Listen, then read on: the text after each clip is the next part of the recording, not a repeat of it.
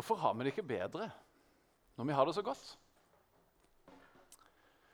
Tidligere biskop eh, Per Arne Dahl han skrev en bok som han ga ut i 2002 med den tittelen 'Hvorfor har vi det ikke bedre når vi har det så godt'? Jeg har ikke lest boka sjøl, det burde jeg sikkert gjort, men jeg liker utrolig godt den tittelen. Den pirker i meg på en spesiell måte. Hvorfor har vi det ikke bedre når vi har det så godt? Jeg har en del tanker knytta til det som jeg har lyst til å dele i dag. Og Jeg skal snakke om glede i dag.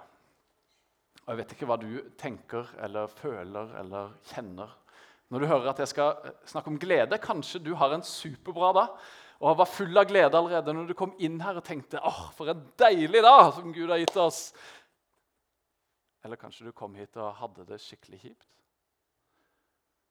Kanskje du hører på dette i ettertid på nettet fordi du orka ikke komme hit. Og kanskje livet ditt er i en bølgedal, og at ting ikke er bra.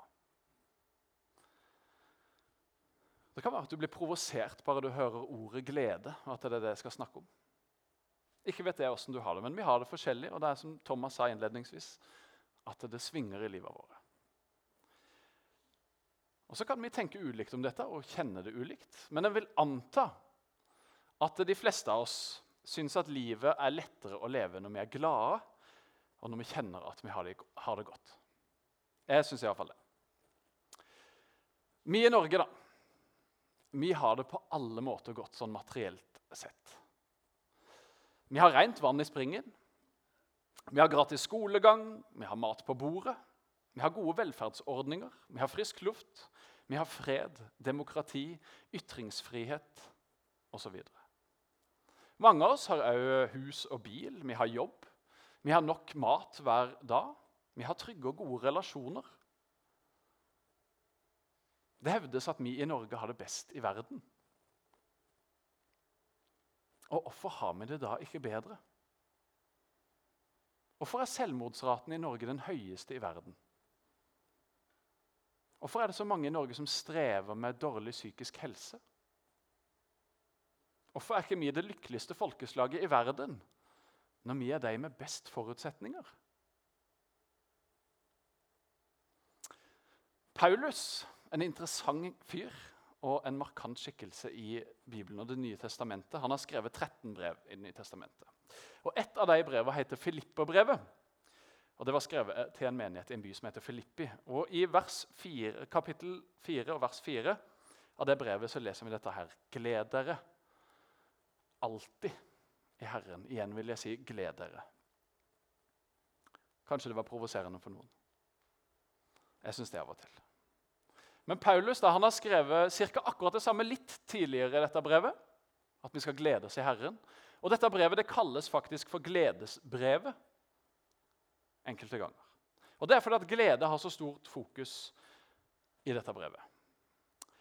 Eh, og det er ikke alltid at jeg kjenner så veldig på glede. Og heller ikke glede i Herren, sånn som det står her. Og Da blir jeg ofte mer provosert enn noe annet når jeg leser dette. Hvis jeg har det litt sånn kjipt. Åh, du skulle bare visst Glede seg i Herren. Gidder ikke det. Så kan jeg bli sånn. Litt barnslig, kanskje. Men så er jo mye jeg er i hvert fall litt barnslig. da. Kanskje du er. Og så er det sånn, Noen ganger så er det noen som deler dette i stor begeistring.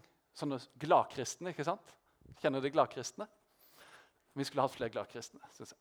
Men uansett, eh, som liksom, åh, gleder i Herren, er det ikke fantastisk å være frelst der? Og sånne ting. Og så er det mange ganger at det er oppmuntrende godt, og så er det andre ganger som jeg ja, tenker at nei.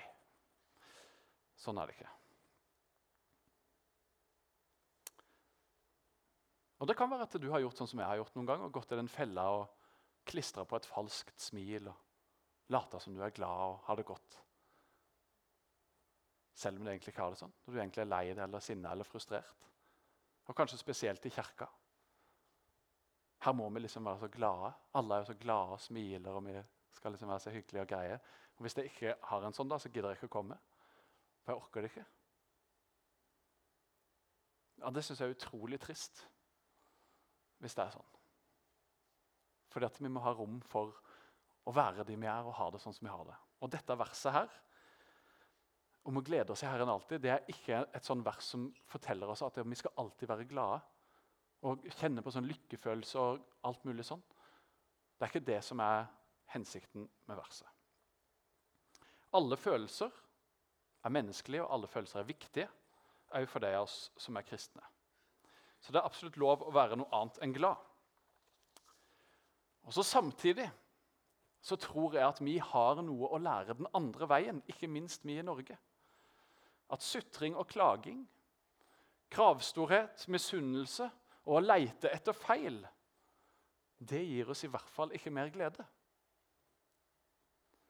Noen ganger har vi god grunn til å klage vår nød. Andre ganger har vi godt av å løfte blikket og se det større bildet. Og Jeg tror at vi kan lære mye av dagens tekst og av dagens forfatter om akkurat det. Jeg har i hvert fall mye å lære her, og jeg har blitt skikkelig utfordra mens jeg har jobba med dette. Og jeg har kjent tror jeg, noe av fruktene ved det jeg har lyst til å fortelle om i dag. Og For å begynne med Paulus, han, som har skrevet dette gledesbrevet, og som vi kan da lese mye om i Det nye testamentet, Han er jo liksom i kristen sammenheng en av de største og viktigste personlighetene som har levd. Det er kanskje bare Jesus som er over Paulus. Så han har jo sånn sett utrolig mye å glede seg over. Men det er ikke det som ligger til grunn når han skriver gledesbrevet, at han liksom er så vellykka og suksessfull. Han sitter fengsla når han skriver dette brevet. Sannsynligvis er soninga en mild straff, men han er uansett fratatt sin frihet. Og Vi kan lese andre steder om at han sitter i et mørkt fangehold. Men hva er det Paulus og Silas som han er sammen med da velger å gjøre? Jo, de lovsynger til Gud. Midt i sin vanskelighet, midt i sitt trøbbel. Og Paulus har alle grunner til å klage egentlig i den situasjonen han er i, når han skriver at vi skal glede oss i Herren. Så Når han skriver gledesbrevet, så er han da i fengsel. Og Hva er det da Paulus har forstått som ikke jeg har fått tak i? Eller som jeg kanskje har fått tak i litt av av og til noen ganger? Jeg tror vi finner svaret i den teksten som vi skal gå gjennom i dag. og Det er fortsettelsen av der vi var. Eh, Filipperne 4, 4-6. Og Der står det.: Gled dere alltid i Herren. Igjen vil jeg si, gled dere. La alle mennesker få merke at dere er vennlige. Herren er nær. Vær ikke bekymret for noe, men legg alt dere har på hjertet, fram for Gud. Be og kall på ham med takk. Og Guds fred, som overgår all forstand, skal bevare deres hjerter og tanker i Kristus Jesus. Dette er teksten vår i dag, og her er det mye å se på. Og Det første jeg har lyst til å si noe om, det er 'i Herren'. det begrepet der. Og Dette er et sentralt begrep i den kristne tro. og Hvis du ikke er så bevandret i den kristne tro eller ikke er så belest i Bibelen, så høres det kanskje veldig merkelig og rart ut, akkurat det begrepet 'i Herren'. Og det kan jeg forstå. Men dette er kjernen i det som Paulus skriver om å glede seg. Det er det som er grunnen til at han har noe å glede seg over til tross for sine omstendigheter. Dette er å være i Herren. Og Dette er nødvendigvis ikke en lykkefølelse, selv om det kan være det òg. Det å glede seg i Herren. Men det er en grunnleggende glede som vi finner i Jesus og hos Han, og som går dypt i oss. Tittelen på den taleserien som vi er inne i nå, den er aldri alene. Vi har forresten valgt å fortsette den taleserien litt lenger. Et par søndager til. Men uansett, det er hovedgrunnlaget på en måte for hva vi kan glede oss over. Gud, han som har skapt alt rundt oss, og som har skapt du og meg, han har sagt at vi skal aldri være alene. Han er aldri langt unna. Uansett om vi kan føle det sånn oppleve at Gud er bare distansert og langt der ute og fjern, så har han sagt at han er helt nær. Han er foran oss, han er bak oss, han er over oss og under oss. På vår høyre og på venstre side. Han fyller vårt indre. Gud er helt nær. Vi er aldri alene. Det kan vi glede oss over. Selv om vi sitter fengsla, selv om vi har det forferdelig, så er det det som er sannheten om åssen Gud har gjort det for oss. At vi aldri er alene. Vi er sammen med Han. Når vi tilhører Jesus, så er vi aldri alene. Han har lov til å være med oss. Og Det var det Knut snakka litt om forrige gang, om tro. Og tro. At det er viktig. Og Når vi tilhører Jesus, da, så følger det med utrolig mye annet som vi kan glede oss over. At vi er elska. Helt ufortjent og uansett. Av bare nåde. At alt vi har, det har vi fått som en gave fra Gud.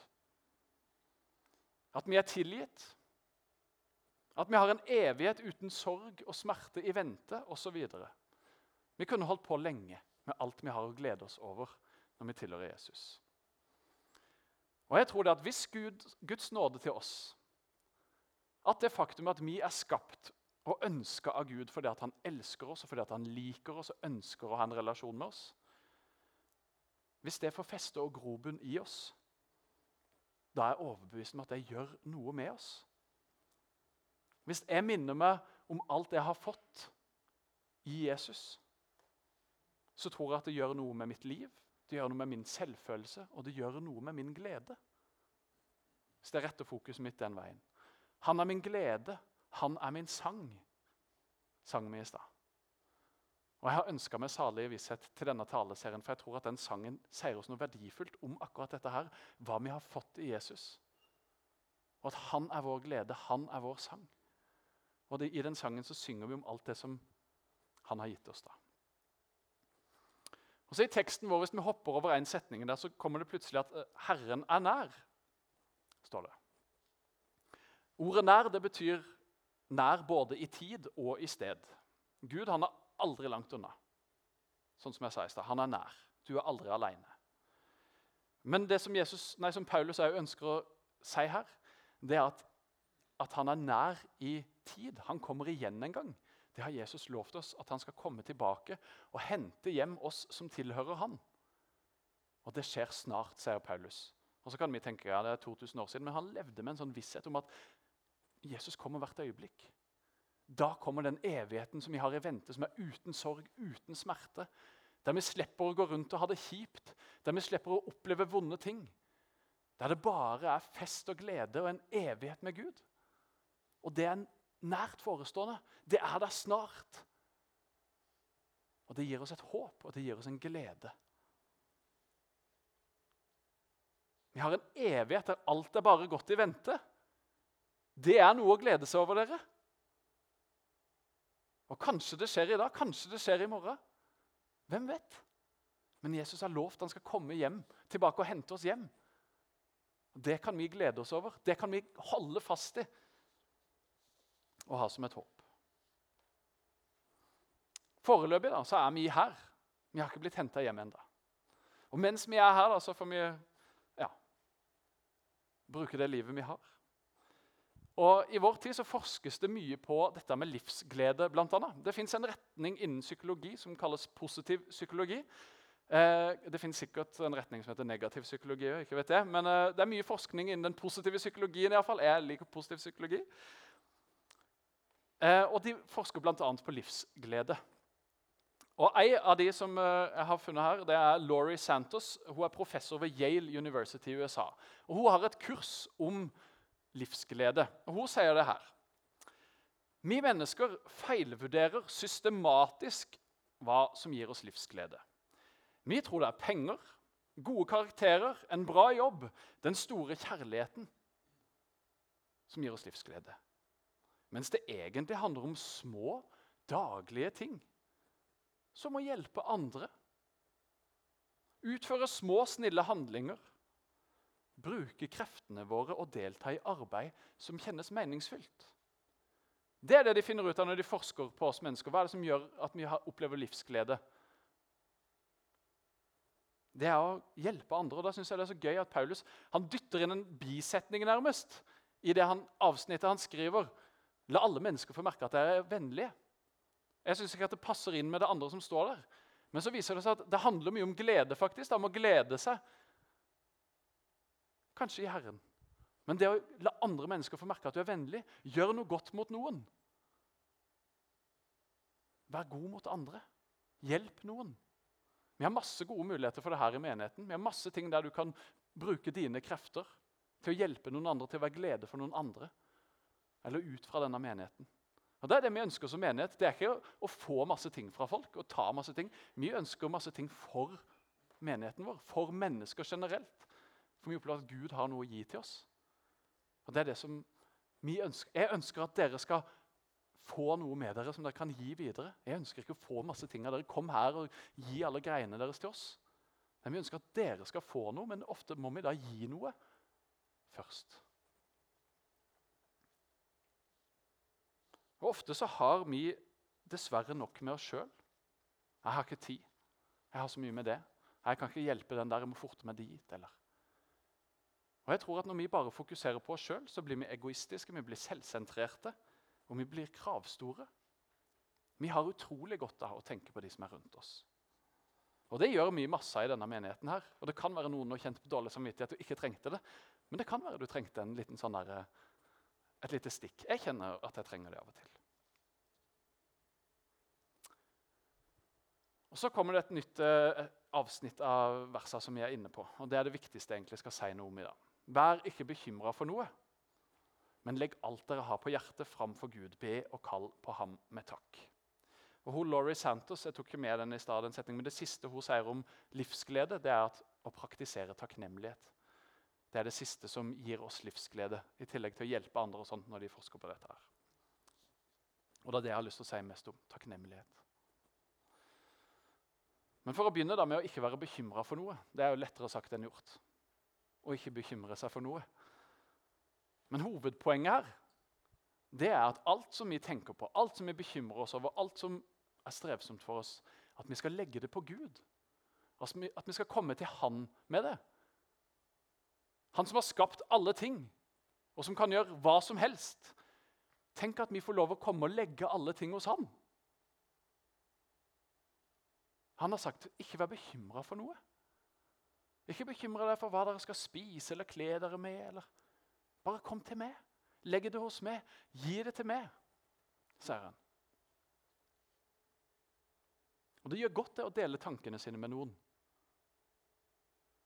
Og Det går faktisk an å dele noe med Gud og legge det på Gud ved å dele det med et annet menneske.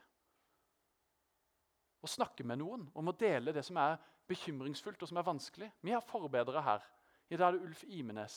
Hvis du har noe som du bekymrer deg over, gå og del det med Ulf. Og så kan det være din måte å legge det hos Gud på. Du trenger ikke gå alene med det. Vi har òg en samtale- og veiledningstjeneste i denne menigheten som heter Samtalerommet. Der du kan gå og snakke med et menneske og dele det som ligger der på hjertet. Og på den måten legge det hos Gud og bringe Gud inn i samtalen, inn i det som plager deg. Det er ikke sånn at vi skal gå og bære alle ting sjøl. Vi er jo så heldige at vi kan rope til Gud med de tinga. Men det er så godt å trekke inn et annet menneske av og til. Så legg det hos Gud på den måten. Vi har cellegrupper i denne menigheten. Et mindre fellesskap du kan være en del av. Der en kan prate sammen, be sammen, dele det som er bekymringsfullt og vanskelig, f.eks. Og nå kommer jeg til takknemlighet. det som Jeg egentlig skal snakke om. Jeg har snakka om masse allerede, men det tar ikke så lang tid om takknemlighet som en kanskje er redd for nå. da. Men det er mye som gir oss glede. Å hjelpe andre osv. Og så tror jeg takknemlighet er kanskje det viktigste. For hvorfor har vi det ikke bedre når vi har det så godt?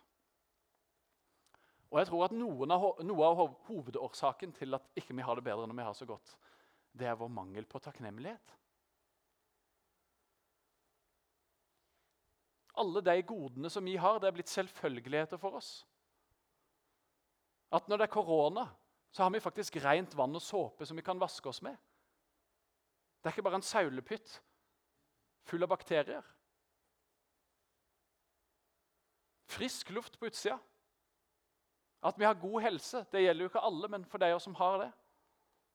At vi har mat på bordet, at vi har skolegang, at vi har velferdsordninger, at vi har fred, at vi har familie, at vi har venner osv. Vi legger ikke merke til det før vi mister det. Vi overser det, og vi er ikke takknemlige for det. Vårt gode samfunn da, det gjør oss kravstore, det gjør oss misunnelige, og det gjør oss grådige. Vi vil alltid ha mer penger, finere bil, større hus, bedre jobb, lengre ferie, finere mat, flere valgmuligheter. Og dessverre så gir en del av de tingene her oss glede. I hvert fall for en kort periode. Men så forsvinner den gleden. Og hva må vi gjøre da? Jo, da må vi kjøpe noe nytt. Eller vi må få oss noe større, noe bedre, noe dyrere. Flere ting. Som mennesker så er vi født med et stort ego. Vi tenker på oss sjøl og vi tenker på vårt eget. Og Vi lærer barna våre å takke for maten, å dele med andre og det å se utover oss sjøl. Og Det må vi fortsette med, og kanskje gjøre det i enda større grad. Men jeg tror at vi som voksne òg må minne oss sjøl om det og øve på det, praktisere det. Og være takknemlig og takke for maten. Og dele med andre og se utafor oss sjøl. Vi må gå mot strømmen. Vi må bevisst handle annerledes enn sånn som samfunnet vårt gjør, og sånn som egentlig kanskje ligger naturlig i oss. For jeg tror at Hvis ikke vi er bevisste på dette, så blir vi bare tatt med i dragsuget av det samfunnet som jeg er en del av. Og Konsekvensene det tror jeg blir mye av det samme som det vi ser rundt oss. Stress, utbrenthet, psykiske problemer og generelt lavere livskvalitet. Hva er det som gir oss glede dypest sett? Jeg tror ikke at det er flere og bedre og nyere ting. Jeg tror heller at det er takknemlighet over det vi har. Takknemlighet for ei varm seng og ei god dyne. For gode venner. For god mat og metthetsfølelse. For fin natur. For fellesskap. Forrige søndag når vi lovsang sammen, da, så jeg bare grein. Jeg klarte ikke å være med å synge. Ikke hele tida, i hvert fall. For det var så godt å være i fellesskap igjen. Vi som har stått og glodd på en skjerm i det uendelige. Så kunne vi endelig være samla og synge sammen, og det var så uendelig godt. Da skjønte jeg hvor mye jeg hadde savna fellesskap og mye jeg hadde vært takknemlig for. Istedenfor å klage over at det var litt kjedelig å se på den skjermen. eller Det var jo greit nok, det for så vidt. Men da skjønte jeg at jeg hadde savna det og gått glipp av noe. Og så var jeg så takknemlig for det.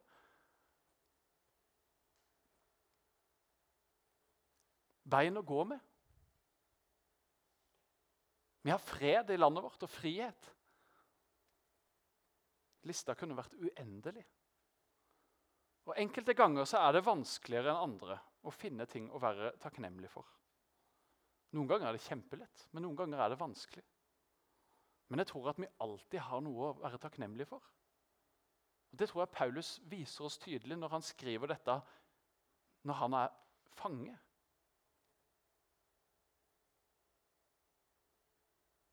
Og jeg tror det at Uansett om vi da sitter i fengsel sånn som Paulus, om vi har mista jobben, om ungene strever på skolen, om økonomien ikke strekker til, om vi krangler med noen er glad i, så tror jeg at vi har noe å takke for. Og jeg tror at det er en god vei ut av selvmedlidenhet, av misunnelse og grådighet. Det er å være takknemlig for det en har. Hvorfor har vi det ikke bedre? Og jeg tror det handler mye om at vi er mer opptatt av hva vi ikke har, enn å være tak takknemlige for det vi har. Hvorfor har vi det ikke bedre? Fordi vi er mer opptatt av det vi ikke har, enn å være takknemlige for det vi har. er min enkle påstand. Og Den positive psykologien da, den viser oss faktisk det samme at å praktisere takknemlighet gir oss livsglede. Og Her er noe av det som forskninga viser rundt det å praktisere takknemlighet. Det åpner døra for gode relasjoner. Det bedrer fysisk helse. Det bedrer psykisk helse. Det øker empati og reduserer aggresjon. Det bedrer søvnkvaliteten. Det bedrer selvfølelsen, og det øker mental styrke. Og Det er masse en kunne ha sagt om det tingene, men det skal jeg ikke gjøre. Men sin takknemlighet er så viktig og så bra, og siden det å praktisere takknemlighet er hemmeligheten, så er denne ukas utfordring til oss alle. Det er hver eneste dag denne uka som kommer, og gjerne for evigheten, å takke for tre ting. Gjør det om morgenen når du står opp eller våkner. Takk for en ny dag. Eller gjør det om kvelden. Takk for det du har fått eller opplevd i løpet av dagen. Eller gjør det gjerne begge deler. Og kjenn etter om det gjør noe med sinnet ditt, om det gjør noe med gleden din, om det gjør noe med fokuset ditt. Og Her vil jeg utfordre deg til å skrive det ned. Skriv det på en Post-It og putt det oppi ei krukke. Hvis du bor sammen med noen, så gjør det som en greie. Vi skriver tre ting, og så putter vi det i krukke. Og så På slutten av denne uka så kan dere lese alt som sto der. For eksempel. eller når du har det kjipt, så kan du finne det fram. Eller skriv det i ei bok eller en dagbok eller bønnebok. eller hva du har. Sånn at du kan gå tilbake og se Oi, jeg har mange ting å være takknemlig for. I den perioden der så Ja, nå er det vanskelig. Jeg kan se, det kan være en hjelp til å finne tilbake. Så det er, dette er ment som en hjelp for å praktisere takknemlighet. Skriv ned tre ting hver dag som du er takknemlig for. Og Prøv det ut og kjenn etter om det gjør noe med deg. Jeg har gjort det nå mens jeg har jobba med dette. her. Jeg har ikke skrevet det ned riktig hver dag, men jeg har i hvert fall prøvd å praktisere det når jeg våkner på morgenen og når jeg legger meg på kvelden. Og Det er veldig fint å gjøre sammen med ungene òg, for de av dere som har det og legger små barn. Hva vil du takke for i dag? Og hjelpe dem til det. Og så tror jeg at det gjør noe med oss. Og nå skal jeg gå inn for landing. Vi som bor i Norge, da, vi har utrolig mye å være takknemlige for. Vi som kristne har utrolig mye å være takknemlige for. Og jeg tror det er viktig å velge å være takknemlig. Velge å finne de positive tinga. Det er jo sånn i livet at det som er viktig for oss, det må vi mange ganger velge. Hvis ikke så driver vi bare med strømmen, sånn som alle andre gjør. Og Går det an å velge glede? da? Jeg tror det. Men jeg tror det handler om å velge å være takknemlig for hva en har. Å velge å være vennlig og god mot andre. Og å velge å glede seg over hva en har fått, og hva en får i livet. Og Jeg håper først og fremst at denne talen ikke gir deg dårlig samvittighet og at det oppleves som et krav om å ta seg sammen om å skjerpe seg. Jeg håper heller ikke at det bare oppleves som en sånn selvhjelpstale om positiv psykologi.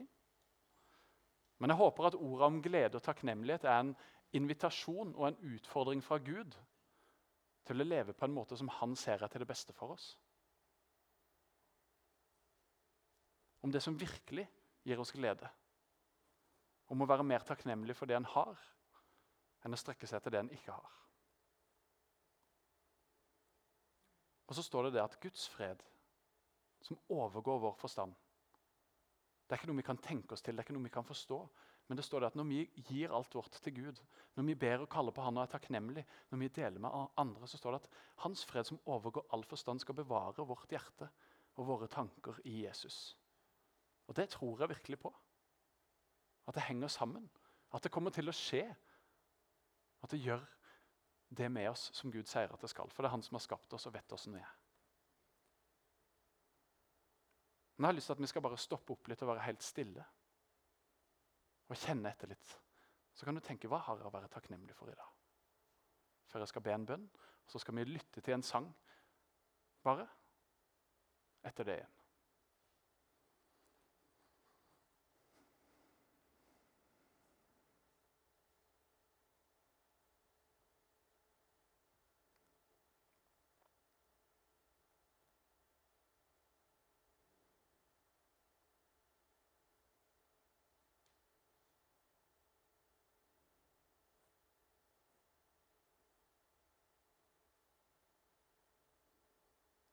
Takk, Jesus, for denne dagen. Takk for at du er her. Takk for at du elsker oss. Takk for at du sier at ikke vi skal bekymre oss. Men du som bryr deg om en spurv som faller til jorden, du bryr deg enda mer om oss, Herre. Du vet hva vi trenger, hva vi lengter etter takk for at i det så er den sanne gleden som kommer fra dypet. Som er uavhengig av omstendigheter og det som er rundt oss, Herre. Kom du og berør oss. Fyll oss. Og hjelp oss, Herre, så vi kan se alt det vi har å glede oss over.